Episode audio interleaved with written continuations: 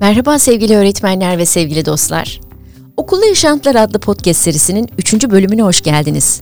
Ben Nazan Fettaoğlu. Bu bölüm öz kavramı ve özümüze ulaşmakla ilgili. Bir de yanına küçük bir soru ekliyorum ve soruyorum. Sevgili öğretmenim, senin içinin ne? Bu soruyu podcast'in sonunda daha net bir şekilde anlayacağınızı ve cevabı kendinize fısıldayacağınızı biliyorum. Söze öze ulaşmakla başladık ya. Önce şu öz kelimesini bir anlayalım derim. Öz, Türk Dil Kurumu'nun verdiği tanımlardan birine göre bir kimsenin benliği kendi manevi varlığı ve içi özüdür. Ve gene Türk Dil Kurumu'na göre bir şeyin en kuvvetli ve kıvamlı bölümüdür. Aslında iki tanım da birbirini tamamlıyor. Ancak farklı yazarlar ve eğitimciler tarafından öz kavramı bazı farklılıklarla ele alınmış. Değerli eğitimci yazar Doğan Cüceloğlu hocanın aramızdan ayrılmadan önce kaleme almış olduğu son kitabı Var mısın da hayatı bir keşif yolculuğu olarak tanımlarken peki neyi keşfedeceksin sorusuna özünü yani kendini olarak cevap verir. Çünkü yaşamın sınırsız zenginliği içinde paylaştığımız, anlayabildiğimiz bir öz var, o da kendimiz diyerek devam eder. Bu kavramı sesli olarak düşündüğümde ilk aklıma gelen doğuştan sahip olduğumuz potansiyeller aslında.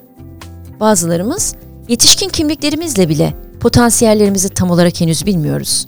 Ya da biliyoruz ama ne kadarını kullanmış olduğumuzu ve daha ne kadar kullanabileceğimizin bilincinde değiliz. Sanırım en doğrusu potansiyel ve öz kavramına biraz koçluk gözlüğüyle bakmak olacak. Koçluk Federasyonu'nun koçluk tanımını duyduktan sonra neden bu iki kavrama koçluk gözlüğüyle bakmanın önemli olduğunu daha iyi anlayacağınızı düşünüyorum. Tanım şöyle diyor. Koçluk, günümüzün belirsiz ve karmaşık ortamlarında kişisel ve mesleki potansiyeli en üst düzeye çıkarmak için ilham veren, düşünmeye teşvik eden ve yaratıcı bir süreçte müşteri ve danışanla ortaklık ilişkisidir. Her bireyin kendi hayatının sahibi ve uzmanı olduğuna inanan bir düşünce yapısıdır aslında temelde yatan.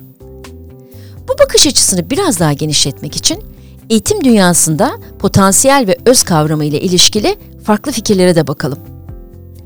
Eğitim sistemleri ve yaratıcı çocuklar yetiştirme konusundaki saptamalarıyla öne çıkan ve maalesef artık aramızda olmayan değerli eğitimci yazar Sir Ken Robinson tarafından yazılan Öz kitabında insanın özü doğal eğilimlerin ve kişisel tutkuların buluştuğu nokta olarak tanımlanır. Öze ulaşmış olmak kişiyi kendisi hakkında bilgilendirir, gerçekte kim olduğunu tanıma gücü verir ona ve özünü destekleyen bir işi varsa işinde mutlu olmasını ve kendini aşmasını sağlar. Aslında bu tanımlamanın en çok bu bölümünü önemsiyorum. Özümüzü destekleyen bir işimiz olmasının mutluluğumuzla ilişkili olmasını. Şimdi öğretmenlik mesleği özelinde bu konuyu sesli düşünelim bakalım. Soruyorum şimdi size sevgili meslektaşlarım. Öğretmenlik özünüzü besliyor mu?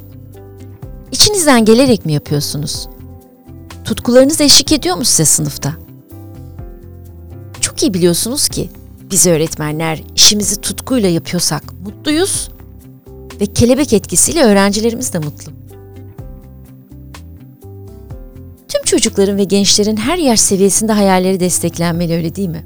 Onlar çizdikleri resimlerle, yazdıkları yazılarla dünyayı değiştirirler. Her biri ayrı bir renktir. Ortaokul ve özellikle lise yıllarında gençlerin böyle hayatla ilgili yapmak istediği şeyler, yapmak istedikleri kafalarında belirmeye başlar. Bilim, sanat, spor veya tamamen farklı bir alanda dünyalarını kurmaya başlarlar. Ve kurmuş oldukları hayaller yavaş yavaş olgunlaşır ve yetişkin hayatlarında belki de tutkuları haline gelecek uğraşların ve mesleklerin temellerini oluşturur. Peki bu hayallerden tutkulara ulaşma yolculuğunda en çok ne ilham verir? Veya en çok kim ilham verir bir çocuğa veya gence? Evet en yakınındaki kişiler. Anne ve veya babasını örnek alır. Bir yakınını örnek alır. Ama yeri geldiğinde ebeveynlerinden daha çok gördüğü, birlikte özel anılar biriktirdiği öğretmeni kendi özünün farkına varmış, tutkuyla yaptığı bir mesleği kendini gerçekleştirme ihtiyacını karşılarmışçasına azimle yapan öğretmeni ve bu öğretmenden daha güçlü bir ilham kaynağı olabilir mi? Sorarım size. Hatta sadece işini tutkuyla yapan öğretmeni rol model olarak göstermek istemiyorum. Hobileri olan ve farklı alanlarda özüne ulaşmayı başarmış öğretmenler de öğrenciler için ilham kaynakları olabilir. Hatta daha güçlü ilham kaynakları olabilir. Fotoğrafçılıkla uğraşan gezgin bir coğrafya öğretmeninin, kendi hikayelerini yazan bir Türkçe öğretmeninin ya da branşıyla alakasız olarak yemek yapmayı bir tutku haline getirmiş bir gurme öğretmenden daha çok ne ilham verebilir bence bir öğrenciye? En büyük zenginlik değil midir sınıfta? Öğrencinizin karşısında bu rollerinizde, bu kimliklerinizde var olmak ve onlara rol model olmayı başarmak. Çok iyi biliyorsunuz ki çoğu okulun misyon cümlesinde yer alır. Mutlu, yetkin, kendini ifade eden bireyler yetiştirmek. Misyon amaçsa vizyon hayaldir biliyorsunuz. Bir şekilde geleceğin resmidir. Ve bu büyük hayalin içini doldurmaksa kendi özüne ulaşmış ya da ulaşma çabasında olan veya en azından bu çabanın öneminin bilincine varmış öğretmenler sayesinde gerçekleşir. Keşke tüm öğretmenler yaptıkları işle özlerine ulaşmış olduklarını hissetseler. Tutkuyla yapsalar işlerini. Böyle bir tercih hatası yüzünden hasbelkader diyelim öğretmen olmuş olmasalar. Öğretmenlik mesleğine çok mana yüklediğimi, çok fazla şey beklediğimi, hatta biraz da abarttığımı düşünüyor olabilir misiniz acaba? Bunları söylerken birdenbire öyle bir his geliverdi içime. Haklı olabilirsiniz. Çünkü öğretmenliğimin ilk yıllarını hatırlıyorum ve o yıllarda bu bilince tam anlamıyla hakim olduğumu da hatırlamıyorum açıkçası. O yüzden kendinize haksızlık yapmayın. Hele bir de daha yolun başında bir öğretmenseniz. Açıkçası yıllar içindeki gözlemler kendi büyüme yolculuğum ve sorgulamalarımla gerçekten mesleğimin benim tutkum haline geldiğini anlamış olabilirim zaman içinde. O nedenle tüm öğretmenlerin aynı duyguda olmasını beklemiyorum. Bu bir bilinç yolculuğu. Eninde sonunda ulaşma ihtimaliniz çok yüksek. Ama başlangıç noktasında durmak, yani öğretmen olarak kendi niçinizi keşfetmekle başlayın. Bu sorunun cevabı bile öğrencilerinize aktaracağınız enerjiyle yaratacağınız etkileşimi güçlendirecek. Sizi onların gözünde güçlendirirken örnek aldıkları rol modeller haline getirecek. En azından bundan tam anlamıyla eminim. Belki kendi niçinizi detaylı bir şekilde tam olarak bilmiyorsunuz. Peki neden öğretmen oldunuz? Çalıştığınız kurumun misyon ve vizyonu kadar sizin de mesleğinizle ilgili misyon ve vizyonunuz olmalı. Ödünç hedefleriniz ve niçinleriniz olmamasına gayret gösterin. Bir süre sonra ödünç olan niçinler sizi yarı yolda bırakır. Bırakın dönem sonu tatillerini beklemeyi, günün sonunu bile zor getirirsiniz. Ya da niçiniz var. Neden bu mesleği yaptığınızı çok iyi biliyorsunuz.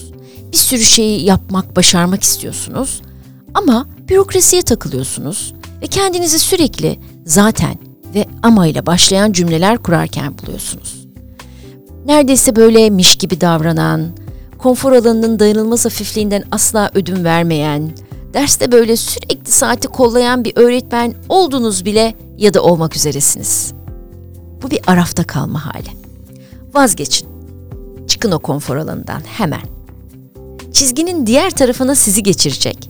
Sınıfta geçirdiğiniz her yeni günün heyecan dolu, keşif dolu, duygu yüklü bir yolculuk olduğuna sizi yürekten inandıracak bir motivasyon kaynağı olmalı.